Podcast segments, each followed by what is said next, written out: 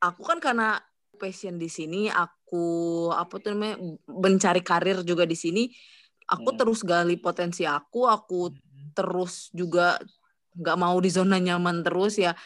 Harus ada yang dirombak benar-benar menggali menggali lagi terus eh, improve improve terus gitu. Mau sampai ya sa- pengennya sih uh, sampai elit elit dunia juga sih pengennya pengennya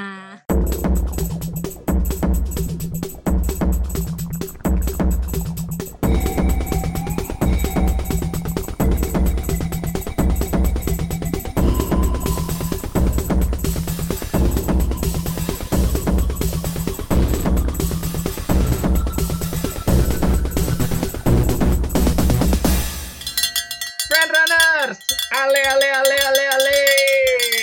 Wuh, ada siapa di sini? Good Terusio. Terus, welcome to Ngobrol. Eh, terima kasih ngobrol lari ya. Iya, ngobrol hari. Yoi. Selamat datang di uh, ruang dengar ngobrol hari nih. Uh, Ruth, udah lama banget pengen didatengin sebetulnya. Cuman entah kenapa belum dapat aja nih momentumnya sampai sekarang ternyata Itu. ini dia pemecah telur sub 5 30 jam wanita pertama kali di Gede Pangrango 25K. Wow. Apalagi no rules no party. Hashtag. Tapi emang emang waktu Edo ngedaftarin ini apa rute FKT ini tuh emang kayaknya babak ini kan udah babak ke-15 ya. Babak ke-15 tuh emang didedikasiin buat Ruth nih. Wow, Yoi. serius kan? Kenapa harus 15? pendengar dia perlu tahu nih, kita nelfon nih hari Jumat nih, Jumat malam di posisi Terut lagi di Jogja. Jadi setelah eh, FKT hari Rabu, Selasa, Bro. Tanggal 24 November tahun 2020. ya kan? Kan teman-teman udah lihat di medsos, Terut udah nge-share kakinya yang kakinya yang luka-luka, penyok. Kondisinya gimana Terut? Kondisinya sekarang sih masih recovery ya. Masih ada pegel-pegelnya. Sama satu lagi bonyok lututnya. Karena kemarin jatuh. Jatuh pas downhill Pangrango. Itu kayak kecelakaan kecil tapi ternyata per, apa, penting sih fokus gitu. Terus kemarin ya jatuh tapi so far sekarang oh, semua oke sih cuman luka luar aja lecet. Eh, Hmm. nggak ada cedera apa-apa ya tinggal udah recovery lah dua hari tadi udah mulai jogging-jogging ringan wow. Gak lari kan ke Jogjanya naik naik lari-lari kereta ya di Jogja kan? kondisi aman aman aman Oke, Terut ini spektakuler gitu ya dari segi capaian karena yang bikin berbeda dari Terut adalah da- dan membedakan diri dari pembicara sebelumnya di ngobrol lari adalah Terut menjadi satu-satunya yang seorang atlet profesional gitu.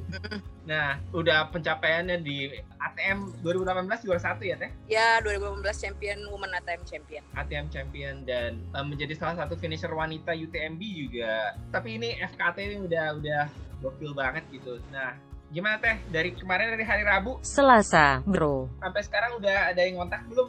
Eh, mau jadiin Terus jadi eh, kru support? Eh, kayaknya Kang Arif ya. Karena dia agak kayaknya lumayan. Ternyata tak- tadi lihat update pagi ini ada yang Dari kompetitornya Makassar yang ya. ternyata eh, ternyata menempel hanya dengan satu menit saja terus kita Iya. kemarin kan masih punya grup tuh kru FKT kemarin kita Iya. terus kita Iya. panas-panasin Arif beneran nggak akan FKT tahap 2 gitu kita eh, terus ya paling gitu sih keren banget Terus kemarin ketika milih Kang Arif sebagai pacer tuh udah udah pas banget lah kemarin tuh jadi strategi yang tepat gitu ya nggak Le? Yoi. Kalau kemarin kenapa milih Kang Arif karena satu ya maksudnya kita sama-sama udah kenal gitu kan. Dua Kang Arif tuh passingnya tepat gitu. Terus kemarin juga sebenarnya eh, di passerin Kang Arif itu hanya 20%. Jadi uphill dari aku Pangrango sampai aku ke Surkan itu benar-benar aku sendiri. Aku aku berdua sama Kang Arif tapi posisinya Kang Arif lebih ngejagain aku dari belakang. Terus Oke.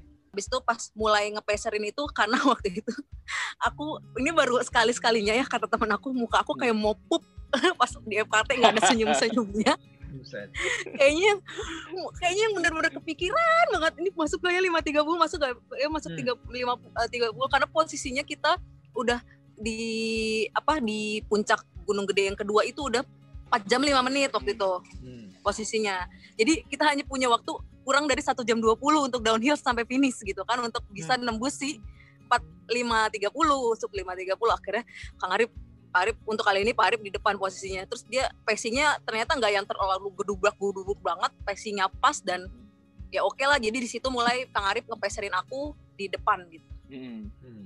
Nah, ini nih yang yang menarik tuh jadi semenjak rute FKT ini rilis ya di fkt.com dan kita menunggu banget siapa nih wanita yang akan mendaftar dan ternyata akhirnya Ruth mempublish dengan hashtagnya No Ruth No Party dan itu Oh. yang yang yang kita tuh ngelihat kalau Ruth itu kayaknya untuk ikut sesuatu mau daftar sesuatu atau ikut sesuatu pasti penuh perhitungan karena kita Banget. kita ngelihat dari kayaknya kalau kalau baca-baca beberapa wawancara Ruth dengan media lain gitu bahwa Ruth mulai lari ikut event ya di BTS 70 tahun 2015 tuh kayaknya semuanya begitu diperhitungkan itu apa memang mungkin kayaknya udah terbiasa dari zaman dulu basket pernah jadi atlet basket profesional loh ya Iya, Raja Wali betul. Bandung Heeh. jadi mungkin udah udah udah udah terbiasa dari dulu ya untuk untuk benar-benar berhitung dalam mem- memilih atau ikut-ikut event ini Ruth.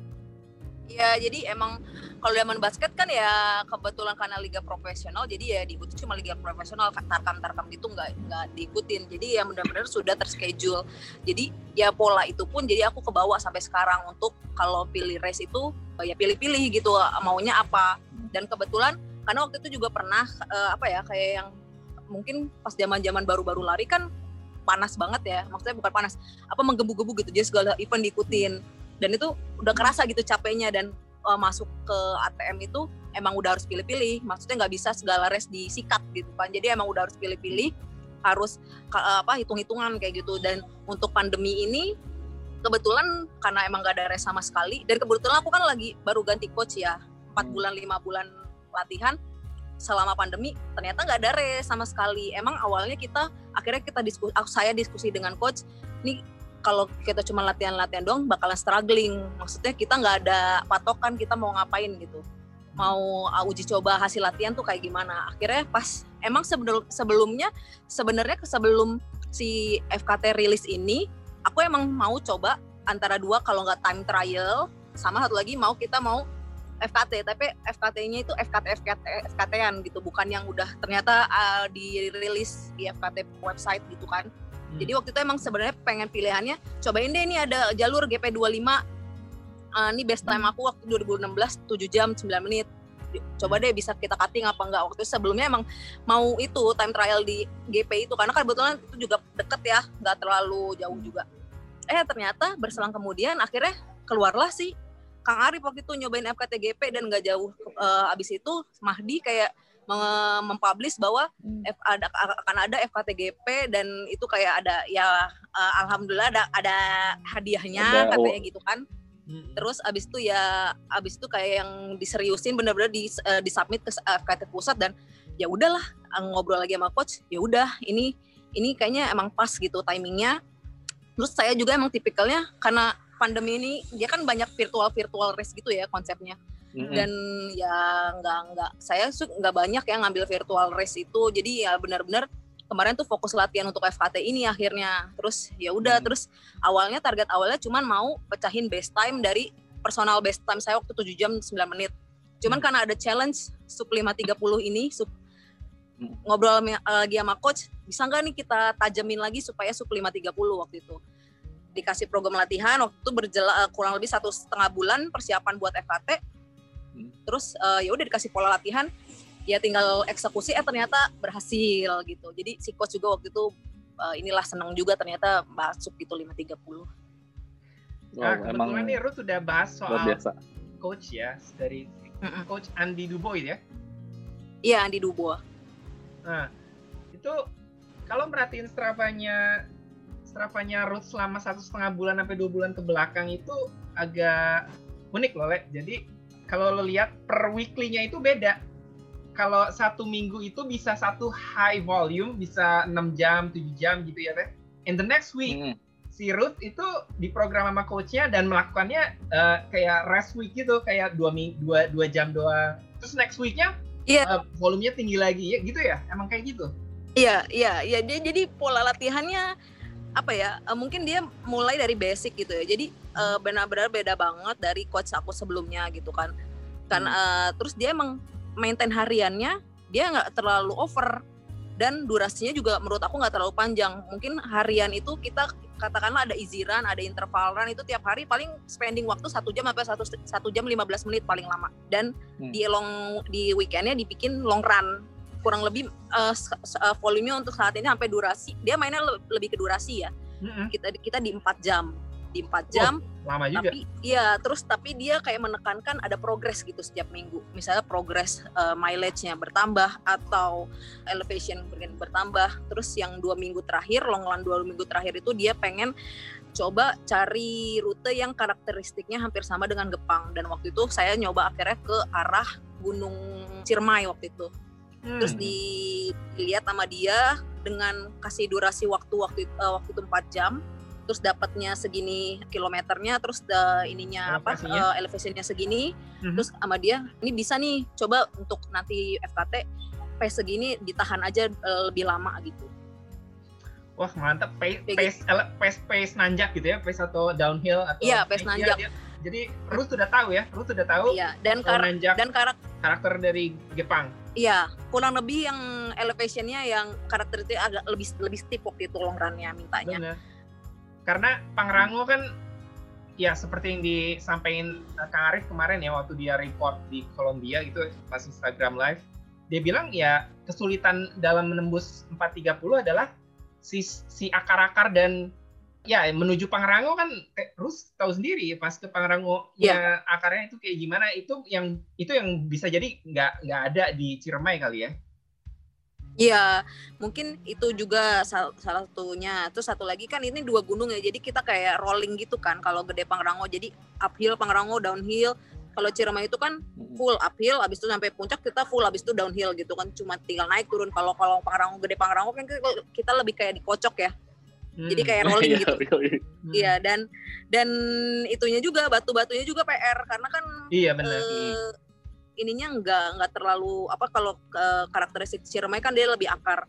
Cuman waktu itu kalau coach bilangnya kalau masalah kalau masalah tiren nggak usah yang nyari spesifik harus harus sama itu nggak nggak bukan esensialnya katanya. Oh, yang penting Uh, yang penting hmm. mile uh, volume dapat pasti elevasinya dapat uh, ya? elevation gain da dapat mendekati ya. gitu. Iya. Iya. Hmm. jadi di stra di strapanya root itu elevation gainnya lumayan tinggi sih le kayak mm -hmm. seminggu mm -hmm. berapa ya? Terus tapi beda-beda sih saya ikut 400 ikutin. Uh, ribu delapan ratus hampir. Tiga ribu. Mantap eh. Ah hmm. terus Ruth boleh nggak berbagi ke kita? Sebenarnya the, kemarin bisa sub 530 itu sebenarnya kunci suksesnya Ruth bisa uh, sub 530 itu apa aja sih? Hmm. Ya, ya sebenarnya kemarin yeah. juga sempat ya ada ada udah, udah mulai di share di feed uh, di feed Instagramnya Ruth gitu. Iya hmm. kemarin gitu. kan aku udah share. Jadi emang kalau untuk saya pribadi untuk sub 530 ini benar-benar lati satu latihan fisik tetap jelas, dua perencanaan yang matang karena ini kayak nggak bisa kita cuman yang naik turun kita harus benar-benar mikirin uh, kayak misalnya mau kandang badak tuh harus dapat berapa jam. Terus mau ke Pangrango hmm. harus dapat berapa jam itu benar-benar kalkulasi hitungannya harus masuk dan pas gitu kan. Dan kedua yang yang terakhir itu emang butuh tim support sih kalau saya pribadi ya. Jadi kayak buat ya lumayan lah untuk mangkas-mangkas waktu mesti ngisi-ngisi hmm. air beli-beli apa ke warung gitu kan. Dan satu lagi pemilihan pemilihan hari yang pas. Kemarin aku sengaja di weekday supaya nggak bertabrakan dengan yang nggak ya. apa nggak banyak pendaki dan kedua lihat-lihat uh, weather forecast juga gitu. Hmm. Terus okay. kemarin itu milih tim support itu menjadi salah satu kunci ya. Tadi kan uh, kerja kelas latihan ya udah ada sebagian ya kita dengar ya. di Cermai. Nah, gimana memilih tim support yang ngerti di gunung terus siapa aja nih disebut lah uh, tim supportnya boleh dong sini. siapa aja siapa aja teh ya ada pesernya Kang Arif Wismoyono terus tim WS ada Muncip uh, Elo Zara, terus uh, Elba Patagonia, ada Danu Yulian dan Median Prana. Nah, dan saya juga uh, mendatangkan dokumentasi, dokumentasi Fajar Dwi Arianto. Kenapa saya mau dokumentasi, mendokumentasikan? Karena ya itu pengen ada yang dikaryakan gitu 2020 gitu ngapain sih kita gitu kan jadi ya udah ada FKT ini ya ya benar-benar ya udah kita benar-benar edankan lah maksudnya gitu kan benar-benar ada dokumentasi benar-benar ada video footage dan benar-benar kita bikin seperti race aja gitu Asik. Tapi emang emang Edan tim supportnya Edan Edan keren keren banget. iya terus Keren. pemilihannya ya satu punya kapabilitas jelas tahu kondisi di gunung harus gimana terus kedua ya pernah pengalaman dengan race, race trail lah setidaknya kan jadi mengerti Hmm. eh, apa aja yang dibutuhkan ya pokoknya apa nih? nah, itu apa sih nih? Yang dikerjain apa aja sama mereka? Katanya kata Elo ini HT-nya mati. Eh nggak nyampe ke Iya, itu kita itu kesalahan badak. kita punya HT tapi ternyata durasi eh apa HT-nya itu bekerja dengan apa eh, di bawah 5 km radius Gitu. 5 km ternyata kandang badak ke start kan 7 kilo gitu kan jadi HT-nya nggak kerja jadi nggak nggak jadi anak-anak yang di atas tuh nggak tahu kalau aku udah start atau belum mereka worry-worry gitu itu itu misi Terus ngapain lagi nih? Pengen aja Ini mereka. terus ya itu sih kemarin titik eh, karena kita tim support itu butuh di titik krusial itu satu di junction kandang badak karena itu penting banget karena akan melalui di situ, eh, melalui eh, kandang badak beberapa kali kan yang satu Oh, lagi oke. di puncak gede waktu itu karena waktu itu pikirannya puncak gede dua titik itu karena di Pangrango mikirnya ah masih karena Pangrango baru dari kandang badak refuel masih nggak perlulah tim support di sana gitu kan masih bisa ada tenagaan. Yang pasti yang rada akan effort itu ya pas naik gede dan abis dari surken ke gede lagi di situ bakalan itu kayak menguras tenaga banget gitu kan dan di situ Hmm. kayaknya emang kita perlu tim support di situ untuk eh, ya kasih air dan waktu itu eh, kayak misalnya passing-passingan kayak eh, trekking pole juga waktu itu dipikirin. Jadi kalau waktu pas naik Pangrango kita nggak pakai trekking pole dititipin ke anak-anak kandang badak naik gede eh, trekking pole kita ambil lagi. Terus abis itu eh, mau downhill dari puncak gede ke finish trekking pole kita titipin lagi anak-anak yang di puncak gede kayak gitu sih. Jadi kayak kayak Oh. gitu-gitu sampai kita pikirin gitu supaya Nah, meminimalisir. kalau boleh tahu Ruth, untuk mencapai tadi kan udah ada strategi ininya ya strategi ngatur tim supportnya segala macam buat me- biar lebih efektif dan efisien gitu. Nah kalau sebenarnya kemarin juga sempat bahas juga ya tentang strategi pacing gitu. Jadi nah, sebenarnya kalau pengen mm, bahas lebih dalam lagi gimana sih sebenarnya strategi pacingnya untuk eh, Ruth bisa mencapai sub 530 ini tuh Hmm. seperti apa sih Ruth? Jadi waktu itu aku patokannya sebenarnya Strava Kang Arif waktu dia pertama kali coba dengan catatan waktu 457 gitu. Dan aku ambil Oh, plus oke. minus, ambil ambil plus minus, terus pacingannya aku kayak bagi eh, per eh, per segmen. Jadi dari start ke kandang badak dulu, aku ngambil berapa jam. Sejam terus 20 nanti ya. dari kandang badak naik ke Pangrango di eh, masuk ditambah lagi berapa jam gitu. Jadi lebih ke segmen eh, segmented sih pacing-pacingnya dan kayak dan karena aku dan aku tipikal pelari downhill jadi aku ngejarnya bener-bener di downhill pada saat downhill gitu. Ngebut sih downhillnya enakan ngeliatnya juga di video. jadi di situ sih waktu itu pacing-pacingannya dan sempat frustasi waktu itu karena ternyata target aku dari loket ke kandang badak itu nggak masuk. Karena aku sebenarnya pengennya uh, range antara 120 sampai di bawah 130 kan. Terus eh, ternyata aku masuk kandang badak itu 130 jadi terus sempat sempat agak frustasi waktu itu ini dapat nggak ya dapat nggak ya? Eh ternyata kayak pas mau naik Pangrango estimasi aku lebih cepat eh maksudnya eksekusi aku lebih cepat daripada estimasi aku. Jadi kayak ada gapnya di situ ternyata.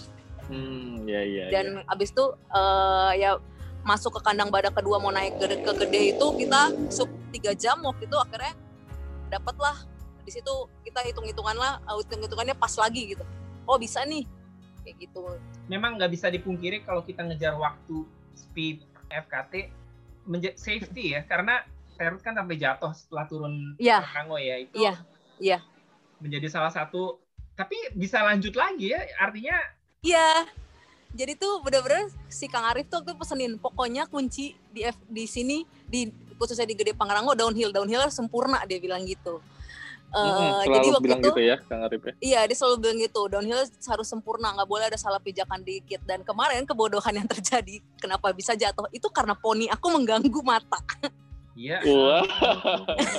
jadi itu kesalahan yang tek- bukan teknis kesalahan yang nggak under control gitu kan. Akhirnya mau nggak mau eh, ya udah akhirnya nggak bawa jepitan ya udah poni dikuncir aja. Supaya nggak ganggu lagi. itu le kuncinya. Iya. Berarti- Jadi kehilangan fokus. Gear, gear, gear bener- sangat menjadi faktor penentu juga ya, Ruth ya. Iya, gear juga. Kemarin awalnya mau bawa vest kan, cuman kata Kang Arif nggak usah nggak usah bawa vest. Eh, dari sini ke kandang balik cukuplah satu softlash, ntar kan passing pas eh, abis itu ganti softlash lagi. Terus Kang Arif waktu itu kemarin dia yang bawa vest, jadi dia bawa stok minum juga, dia bilang gitu kan. Wah, Oh ya udah akhirnya bawa vest. Iya. Banyak diskusi dengan Kang Arif waktu itu dan ternyata emang perhitungan-perhitungan itu juga perlu gitu. Hmm, Dan satu lagi nutrisi juga harus kunci. Oke, kunci. Hmm. Nah, balik lagi nih ke gear sendiri nih, Teh Ruth. Kalau kemarin kan di live di Columbia, eh, Kang Arif bercerita salah satu faktor penentu eh, nih sepatu nih. Dan sepatunya juga malah baru baru banget eh, Kang Arif ambil dan baru dipakai beberapa hari. Nah, Pakai. kalau Ah. kalau kalau ngelihat Ruth, kalau ngelihat Ruth kayaknya sepatu Hoka One One Evo ya. Evo, Evo Speed. Evo Speed God. Evo Speed iPhone God. Speed God-nya tuh kayaknya udah udah yang nggak nggak emang emang udah sehari-hari dipakai gitu. Nah, nah gimana pemilihan gear sebagai salah satu kunci suksesnya Ruth juga nih di FKT kemarin? Iya. Jadi untuk sepatu kenapa aku pakai Evo Speed God karena ya di beberapa long run sebelumnya aku pakai itu. Aku pakai sepatu Mhm. itu jadi dan itu udah ngunci banget tuh nyaman banget di di kaki. Jadi yaudah pakai itu gitu kan. Selain gripnya juga oke. Ya teknologi ya kita tahu lah kalau ngebahas tentang One One nanti kesannya promosi banget gitu kan. Terus eh, satu itu pemilihannya, dua apa pakai trekking pole. Nah trekking pole itu juga aku latih di beberapa session speed hiking waktu itu udah ada menu speed hiking di tiga minggu terakhir dan itu aku latih dengan pakai trekking pole kayak gitu kan. Terus itu sih paling gear ya selebihnya ya kaos ya buat biasa lah buat trail sama celana T8 udah. Nah, per- untuk persiapan yang kemarin FKT ya dengan dengan Hmm. race-race yang lain katakanlah UTMB atau race-race di Asia Trail Master atau mungkin race-race yang di Indonesia sendiri sebenarnya beda nggak sih? Terus kalau misalnya kayak beda, apa sih yang membuat persiapan itu beda terhadap satu event atau satu race atau satu pencapaian tertentu gitu? Mm-mm. Kalau beda, beda banget. Satu kan kalau kalau event tertentu, kalau maksudnya kalau event biasa aja, jadi kan kita cuma aku pribadi cuman eh, mikirin ya mau eh, mau target waktu finish jam berapa, terus eh, ma- jadi aku nggak mikirin eh, aku menyediakan WS sendiri gitu, karena kan ini kan formatnya FK, FKT dan ini kan merupakan hal baru gitu ya di Indonesia, apalagi kan ini baru pertama kali. Terus kan ini kan ya bisa dibilang unsupported, self supported atau supported gitu kan. Jadi yang Hmm. ya kayak yang ternyata kayak berasa apa ya WS WS gitu ya aku pikirin sendiri logistik aku pikirin sendiri kayak tim support jadi aku pikirin sendiri perlu apa enggaknya. Jadi decision decision kayak gitu yang jadi pertimbangan dibanding race race biasa. Dan yang lebih beda lagi gitu karena satu ini ngejar waktu gitu. Jadi kayaknya lebih pusing lebih lebih menguras tenaga lebih menguras pikiran juga pas area eksekusi. Kalau lomba biasa aku ngerasanya ah nggak perlu mikirin waktu mau finish jam berapa yang penting under COT aja gitu Dan podium. Iya iya. Iya. Dan kalau podium. kalau kalau aku pribadi yang ya, penting ngejar orang dok maksudnya Iya, yang penting ngejar orang kalau ini kan ada dikejar kali ya di ya kalau biasa ya. gitu ya Heeh, benar kalau FKT kan ini ngejar waktu kalau di race biasa ngejar orang Bener sih.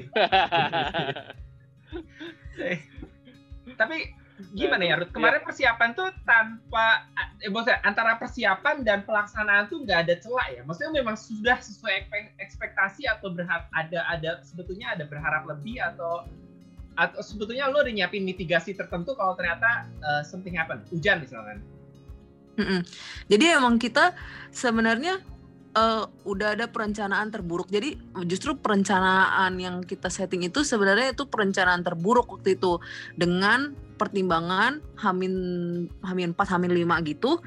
Kita ngelihat weather forecast itu harusnya thunderstorm waktu hari eksekusi itu mulai dari jam 5 pagi udah udah diprediksi gerimis hujan gitu. Ternyata pada saat hari H ternyata cerah kayak gitu kan terus eh apa kalau misalnya planning planning penempatan WS ataupun apa kayak misalnya aku naro eh, water softless aku terus gel aku di sini aku perlu ini ini kalau itu sih udah matang banget. Jadi si gel-gelnya udah ditandain jadi mereka cuma tinggal passing ke aku kayak gitu kan. Cuman waktu itu yang kita planning itu ya buat weather forecast eh, untuk si prediksi cuaca itu sih waktu itu aku mikirnya eh, bakalan hujan karena waktu itu jadi kita kayak yang mikirnya sampai yang ah aku bakalan bawa wind oh, oh, apa tuh, windbreaker yang waterproof kayak gitu. Nah, kayak Tapi gitu kalau sih. lu nyampe waktunya nyampe 525 itu emang targetnya pokoknya sub sub 530 atau 525 tuh udah udah jauh di depan target gitu. Artinya lo sebetulnya punya 5 menit kan lumayan ya. Mhm. Jadi tuh sebenarnya 52 aku ngerasanya aku malah bisa lebih dari 525 itu. Lebih lama Rasanya atau ya. lebih cepat? Lebih cepat, Hmm. lebih cepat. Karena satu eh, human error aku yang aku lakuin itu cuma satu. Jadi aku aku kan startnya jam setengah tujuh ya. Jam 6 itu aku eh, tiba-tiba makan bubur dong. Dan itu Lapar. dan di itu luar rencana itu itu tadi di luar rencana ya. Dan itu ternyata itu salah gitu. Eh, ternyata ya makanya eh, dan itu membuat kayak eh, lumayan si eh, perut itu agak bergejolak waktu mulai dari start ke kandang badak gitu. Jadi agak lumayan panas perut. Wah ini salah nih makan bubur. Karena eh, waktu itu juga sempet coach eh, bilang kan pokoknya lo makan apa yang perut lo happy aja. Sementara aku biasanya sarapan itu nggak pernah Oh. makan bubur Dan itu mungkin itu- yang bikin yang bikin muka lo eh, ini ya nggak nggak seceria biasanya mungkin.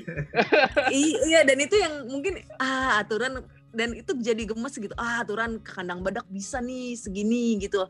Terus Hmm. ya jadi itu kayak yang kayak yang gemes aja gitu jadinya gitu. Aturan kayak gini tuh bisa dihindari nggak nggak nggak nggak mesti. Sama satu lagi yang jatuh itu sih.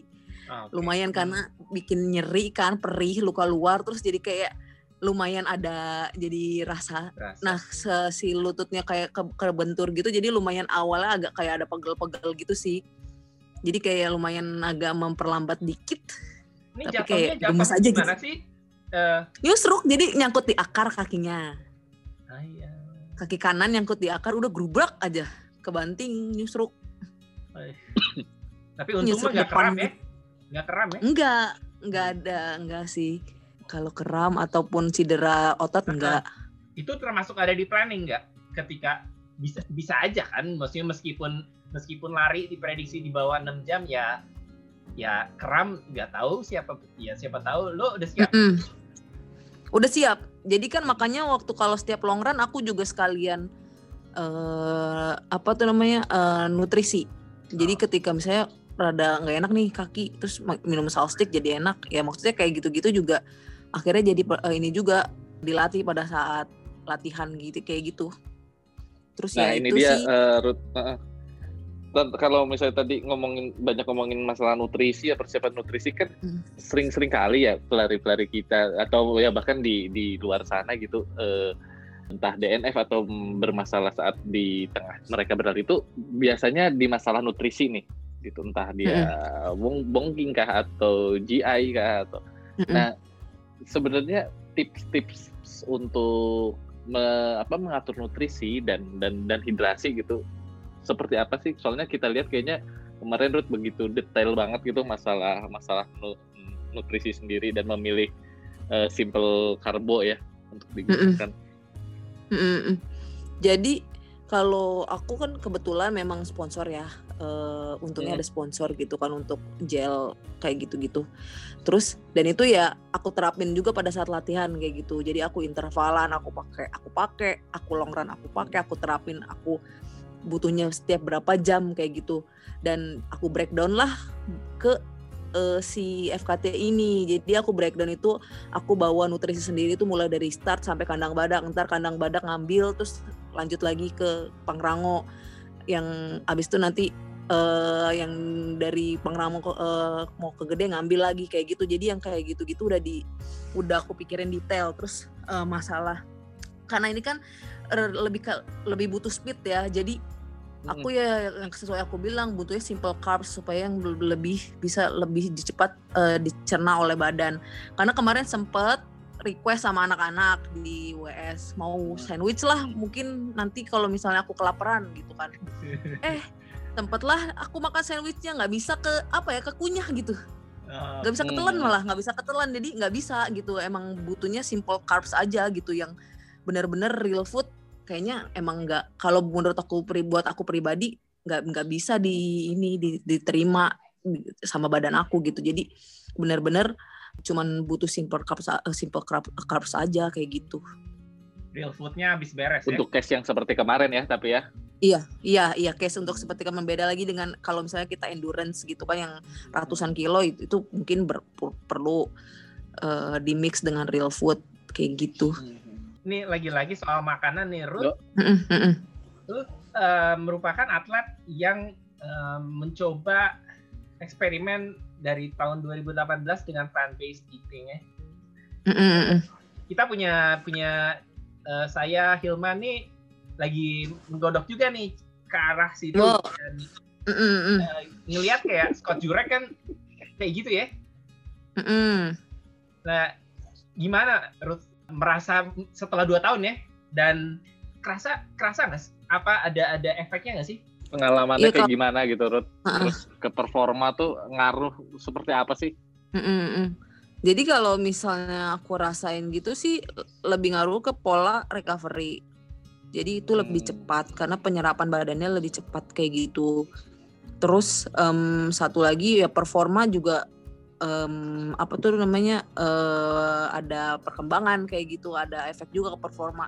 Karena yang udah-udah kayak yang sebelumnya aku dengan memakan daging dan pindah jadi plant based kerasa banget gitu bedanya. Kayak gitu di hmm. dua dua dua itu. Jadi satu pola recovery-nya terasa lebih cepat. Dua ya ke performa juga. Karena kenapa aku juga milih plan base juga aku bukan yang sotoy sendiri. Ah pengen jadi plan base aja lah gitu enggak. Jadi aku kayak hmm. baca-baca artikel juga ngeliat-ngeliat pelari luar kayak gimana. Banyak juga sharing ke teman-teman yang sama pelari yang melakukan apa pola plan based diet itu. Dan ya mereka bilangnya kebanyakan seperti itu. Dan aku pun ngerasain kayak gitu oh iya bener gitu yang mereka bilang gitu. Kayak gitu sih. Recovery-nya lebih cepat katanya mm -mm, mm -mm. memang kerasa ya? Ya mem membaik gitu dibanding iya membaik. Karena kan kayak kemarin Mbak Cindy kan sempat datang ya di ngobrol lari juga sempat datang dan ngobrol mm -hmm. bahwa kalau dia nggak bisa dia merasa daging itu tetap perlu gitu In, mm -hmm. di, di sisi dia ya di sisi dia gitu beda mm -hmm. kalau sama Ruth sudah merasakan ini dua tahun emang bener-bener vegan ya nggak sama sekali nggak nggak ada ya intinya berusaha uh, menjauhi dan pindah ke protein nabati aja full.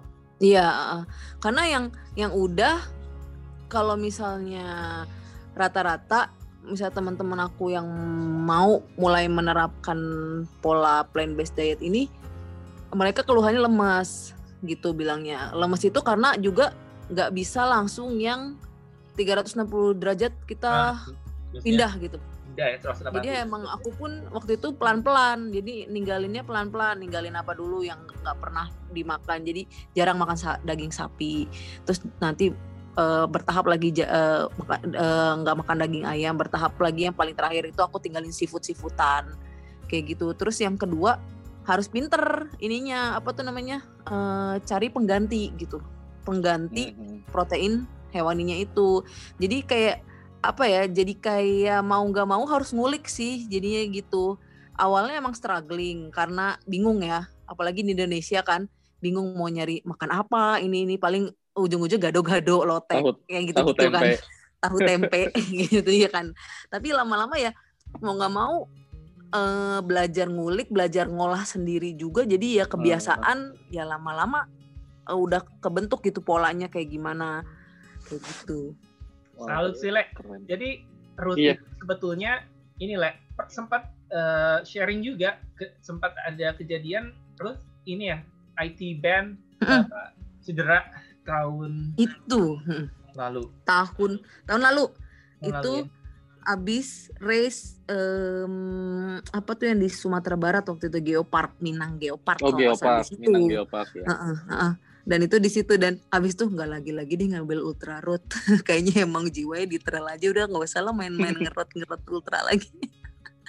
Dan itu lumayan menguras waktu juga. Jadi mau nggak mau dua bulan itu re recovery-nya dan itu nggak boleh lari sama sekali. Dan itu ah terus gue ngapain dong olahraga nah bantinglah ke sepeda waktu itu. Jadi mau nggak mau ke sepeda sama penguatan. Udah nggak bisa lari. Lari juga pertama kali bisa lari cuma tiga kilo.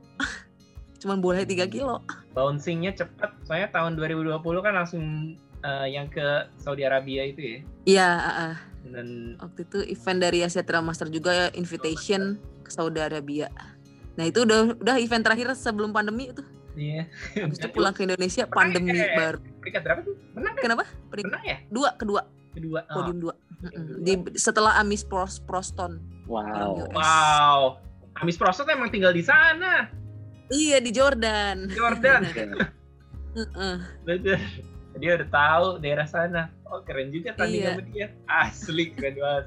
Jadi lo ada pengalaman lah Proston terus UTMB lari head to head nggak nggak head to head amat sih sama Courtney Dauwalter enggak sih. Enggak depan. enggak enggak. Enggak enggak. UTM itu yang bener-bener ah eh, baru apa 100 setelah 2000 kalau kata- kalau nggak salah aku 2017 terakhir ngambil 100 miles terus ngambil UTMB lagi tuh kayak bener-bener ah udahlah finish aja lah. Nggak berani ini macem-macem apa setting target yang buluk-buluk gitu. Apalagi bersaing sama elit-elit gitu kayak belum. Tapi semenjak ganti coach ini jadi kayak hmm kayaknya boleh juga nih. Yes, soalnya progresnya boleh juga nih.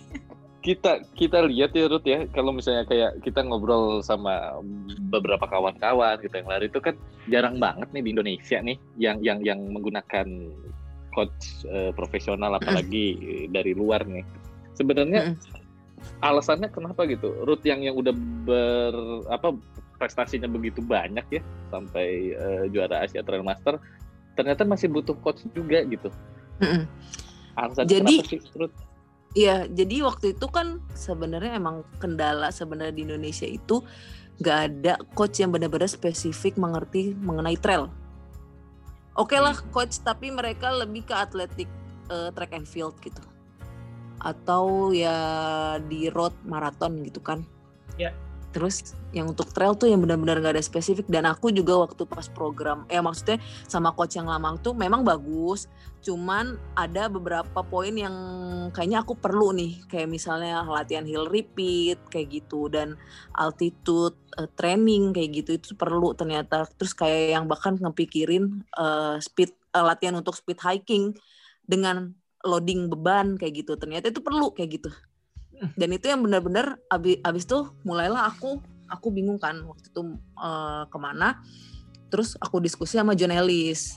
Itu dari T8 Eh, kebetulan salah satu sponsor juga. Jadi dia terus aku nanya-nanya lo pakai coach ini bagus nggak? Kebetulan dia juga anak asuhnya Andi Dubois.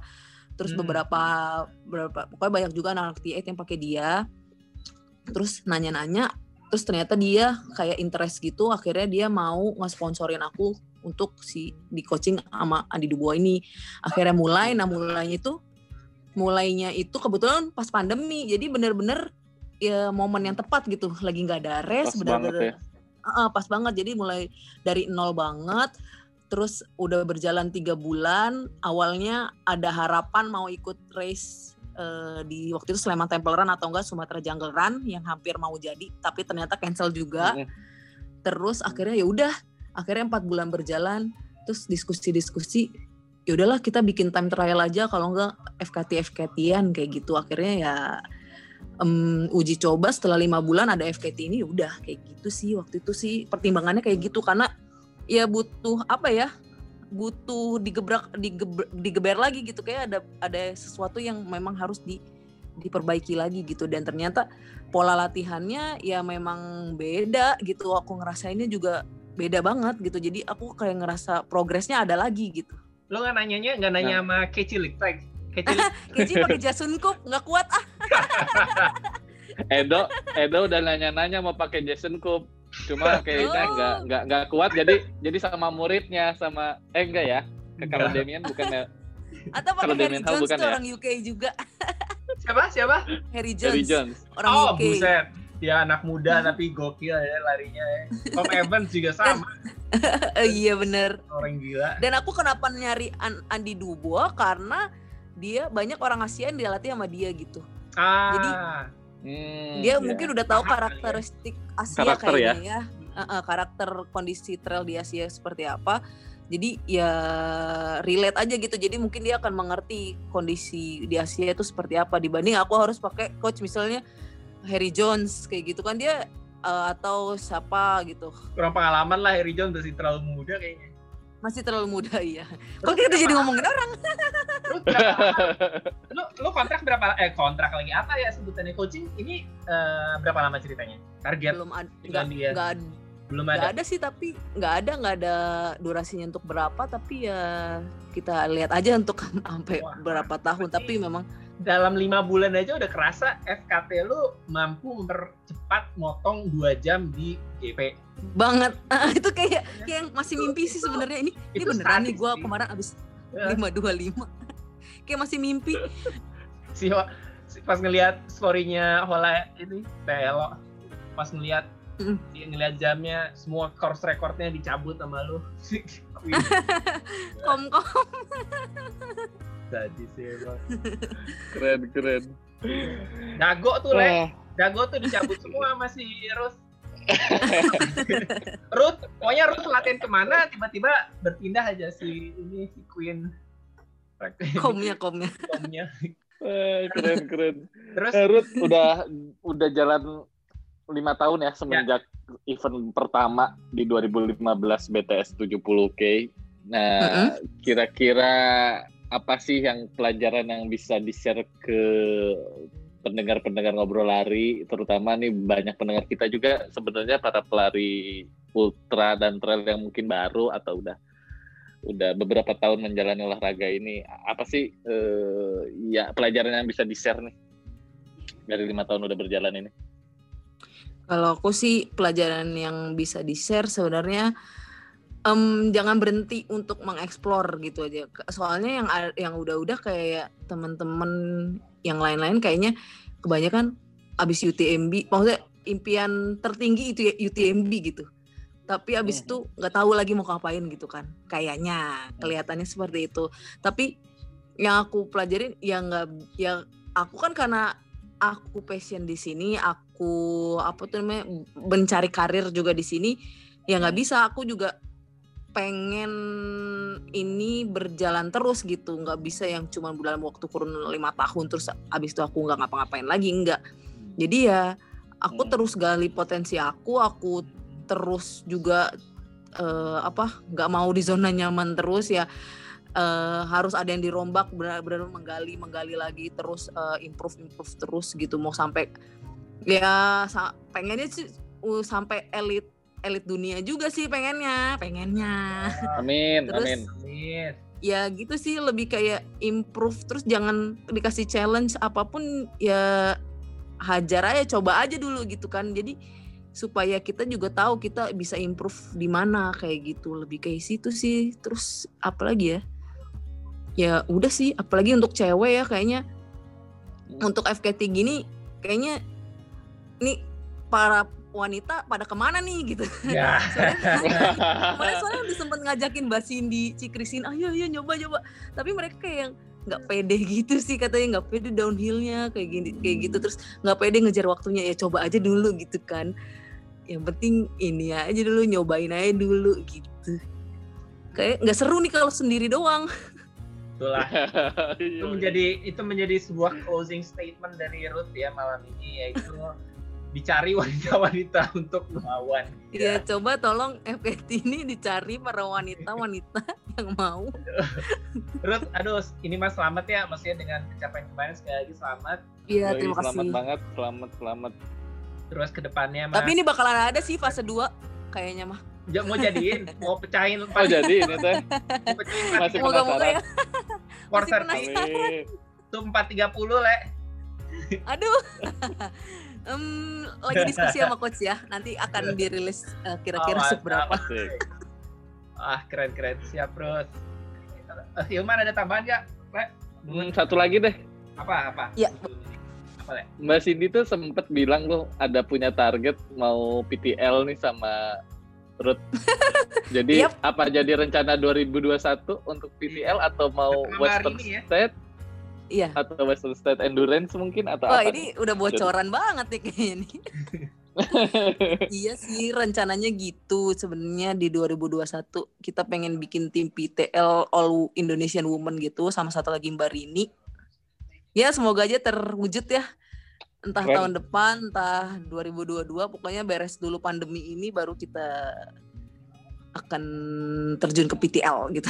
Di Ya, gaspol. Mudah-mudahan 2021 lebih baik lagi dan kita bisa lihat aksi-aksi Ruth Teresia yang lebih luar biasa lagi. Ya amin, karena no root no party. Woo!